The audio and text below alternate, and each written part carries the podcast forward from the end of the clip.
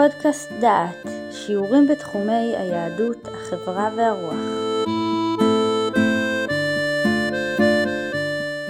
ברוכים הבאים לפודקאסט דעת, לקורס המשפחה בישראל. הגענו לפגישה ה-12 בקורס, ובפגישה זו נארח את הפרופסור שולמית ולר מאוניברסיטת חיפה.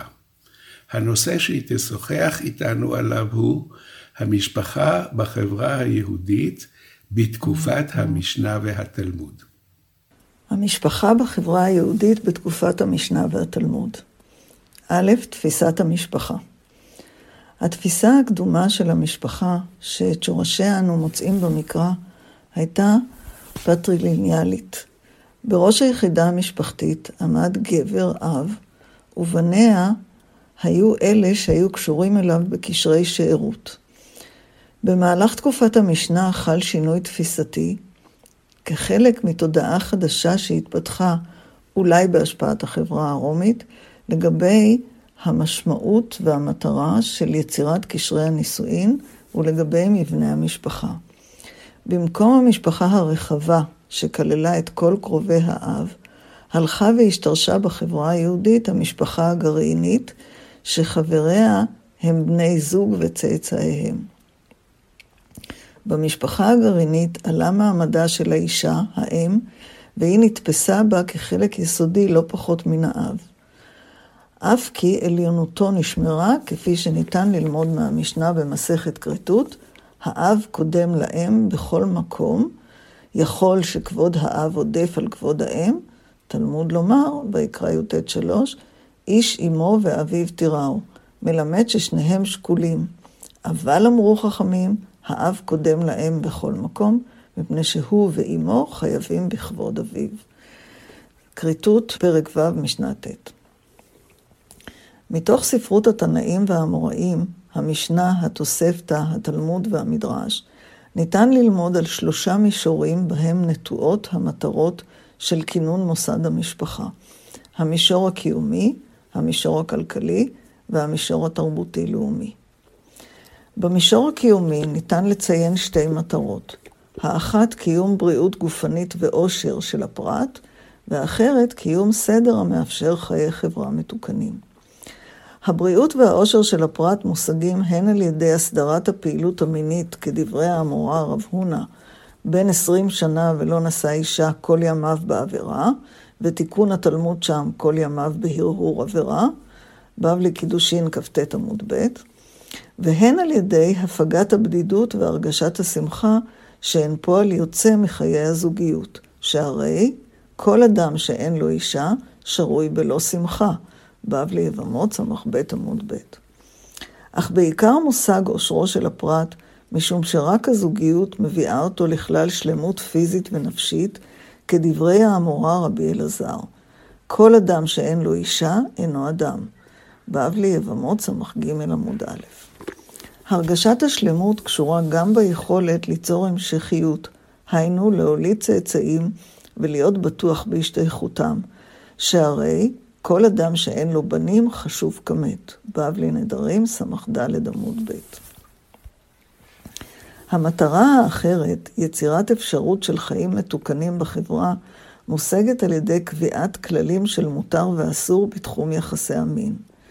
מקורות תנאים ואמוראים לא מעטים מבטאים הסתייגות מהאפשרות של יחסי מין חופשיים, שתוצאתם עלולה להיות לידת ממזרים.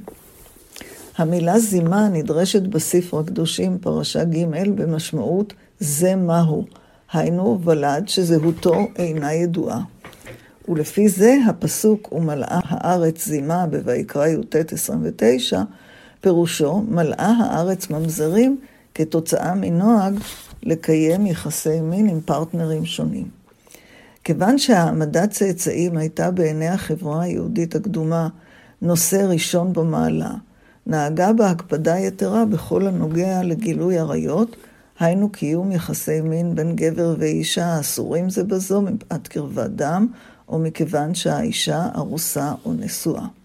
התורה ציינה עשר קרובות משפחה מהמעלה הראשונה כאריות אסורות בנישואין, ויקרא י"ח שש ואילך. אם אדם עבר וקידש אחת מאריות אלה, הקידושים אינם תופסים, וכאילו לא היו מעולם. עליהן הוסיפו החכמים עשרים נשים האסורות כיוון שהן שניות לאריות, ואם אדם עבר וקידש אחת מהן, עליו להוציאה בגט. גילוי עריות נחשב לאחת משלוש העבירות שהן חמורות ביותר, ואדם אמור למנוע עצמו מהן גם אם הדבר יעלה לו בחייו. הקפדה זו בדיני עריות, שכאמור שורשיה במקרא, לא נהגה בקרב העמים הלא יהודים שהיהודים חיו בקרבם, ולפיכך אין לתלות אותה בהשפעת תרבויות הסביבה. יש הסבורים שיסודה ברצון להבטיח את תואר הייחוס, וייתכן שסברה זו נכונה לגבי תקופת הבית השני, שבה המעמד הרם והשליט בחברה היה מעמד הכהנים, והבטחת הייחוס הייתה חשובה להם, ויש לכך ביטוי בכמה איסורי חיתון המוטלים עליהם. אולם, החברה היהודית ברוב תקופת המשנה ובתקופת התלמוד הייתה חברת חכמים, ומעמדם של אלה לא נקבע על ידי ייחוס. לכן לא סביר שהרצון לשמר את שושלת היוחסין היה הסיבה להחמרה בדיני עריות. נראה אפוא שהנורמה של קיום יחסי מין במסגרת המשפחה הייתה קשורה לרצון למנוע לידת ילדים פגומים, ואף לידת ילדים בלתי מזוהים, ולפיכך בלתי מוגנים. במישור הכלכלי, המשפחה נועדה להיות מעין קבוצת עבודה או שותפות, שחברה יחד לצורך ייצור, רכישה והתקנה של מצרכי מזון, לבוש ודיור הנחוצים לה, וכן לצורך ניהול רכוש וכספים המצויים בבעלותה. חלוקת התפקידים בין בני הזוג הייתה ברורה למדי. הגבר פעל כמפרנס, בדרך כלל מחוץ לבית כחקלאי, כאומן או כסוחר, והאישה עסקה במלאכות הבית. אפיון עקרוני לחלוקת תפקידים זו, יש בדברים שמייחס התלמוד לאליהו הנביא, העונה לשאלה במה האישה עוזרת לאדם, במילים, אני מצטטת, אדם מביא חיטין, חיטין כוסס, פשתן, פשתן לובש, לא נמצאת מאירה עיניו ומעמידתו על רגליו, יבמות ס"ג עמוד א'. בספרות התלמודית יש אזכורים מעטים של נשים שעסקו במלאכה או במסחר, וייתכן שהן היו גרושות או אלמנות. אולם יש כמה דיווחים על נשים שסייעו לבעליהן בעבודות חקלאיות או בחנוונות.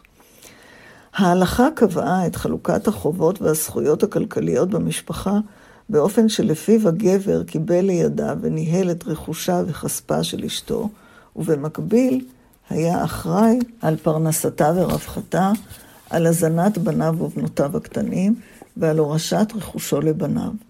ואילו האישה הייתה אחראית על משק הבית ועל המלאכות הקשורות בהחזקתו. חובותיו הכלכליות כלפיה הן על פי התורה, שאירע כסותה ועונתה, היינו מזון, לבוש ומדור ויחסי אישות. מחילתא דרבי ישמעאל, משפטים, מסכתא דנזיקין, פרשה ג'. ועל פי המשנה, כסף כתובתה למקרה שיגרשנה או ימות, מינימום 200 זוז אם נשאה כבתולה, ו-100 זוז אם נשאה כאלמנה או כגרושה. דמי ריפוי, פדיון משבי וקבורה. עוד הוא מתחייב לה שלאחר מותו תקבל מירושתו מזון ומדור, וכן גם בנותיה עד שתתארסנה. וכן שאם נשא אישה נוספת והוליד בנים עמה, ירשו בני כל אישה את כתובת עמם בנפרד משאר הירושה. משנה כתובות, פרק ד' ו' י"א. חובותיה כלפיו הן מעשה ידיה, ומכאן ניתן לשער שנשים עסקו במלאכות זעירות שסייעו לכלכלת המשפחה, מציאתה, נכסים שנפלו לה במתנה או בירושה, וכן שבע מלאכות שהאישה עושה לבעלה, טוחנת ועופה ומכבסת, מבשלת ומניקה את בנה, מצעת לו את המיטה ועושה בצמר. משנה כתובות, פרק ה'. במישור הלאומי-תרבותי, במקורות רבים בספרות חז"ל, מובעת ההשקפה שהקשר הזוגי שעליו נבנית המשפחה מהווה מימוש של מעשה הבריאה. הצבת המשפחה במקום כה גבוה בסולם הערכים הדתי נגזרת מכך שזו מסייעת לקיים ולפתח את החברה או הלאום עליהם היא משתייכת.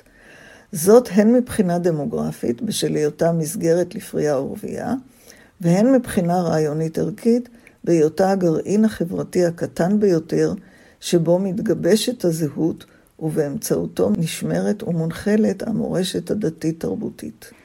לפיכך, המטרה הראשונה של החכמים ביצירת המסגרת המשפחתית הייתה יצירת תאים בהם ניתן יהיה לשמר ולפתח את התכנים, הערכים והריטואלים שעליהם מושתתת התרבות הלאומית-דתית של עם ישראל.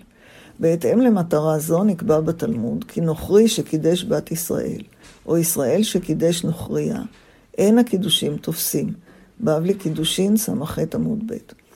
יש לזכור שברוב תקופת הבית השני, ובכל תקופת המשנה והתלמוד, היה עם ישראל מצוי תחת שלטון זר, ולא היה לו מרכז מדיני ואף לא מרכז רוחני דתי אחד. המשפחה הייתה אפוא המקום שבו נשמרו וטופחו ריטואלים דתיים ופרקטיקות דתיות באמצעות חגיגת חגים כפסח וסוכות, קיום השבת מדי שבוע, ובחיי היומיום הקפדה על תאורת המשפחה, על יחסים בין הורים וילדים, על כשרות המטבח ועל הלכות הסעודה.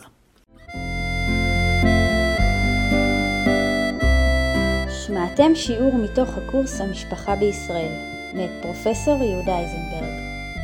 את הקורס המלא וקורסים נוספים תוכלו לשמוע באתר דעת במדור פודקאסט.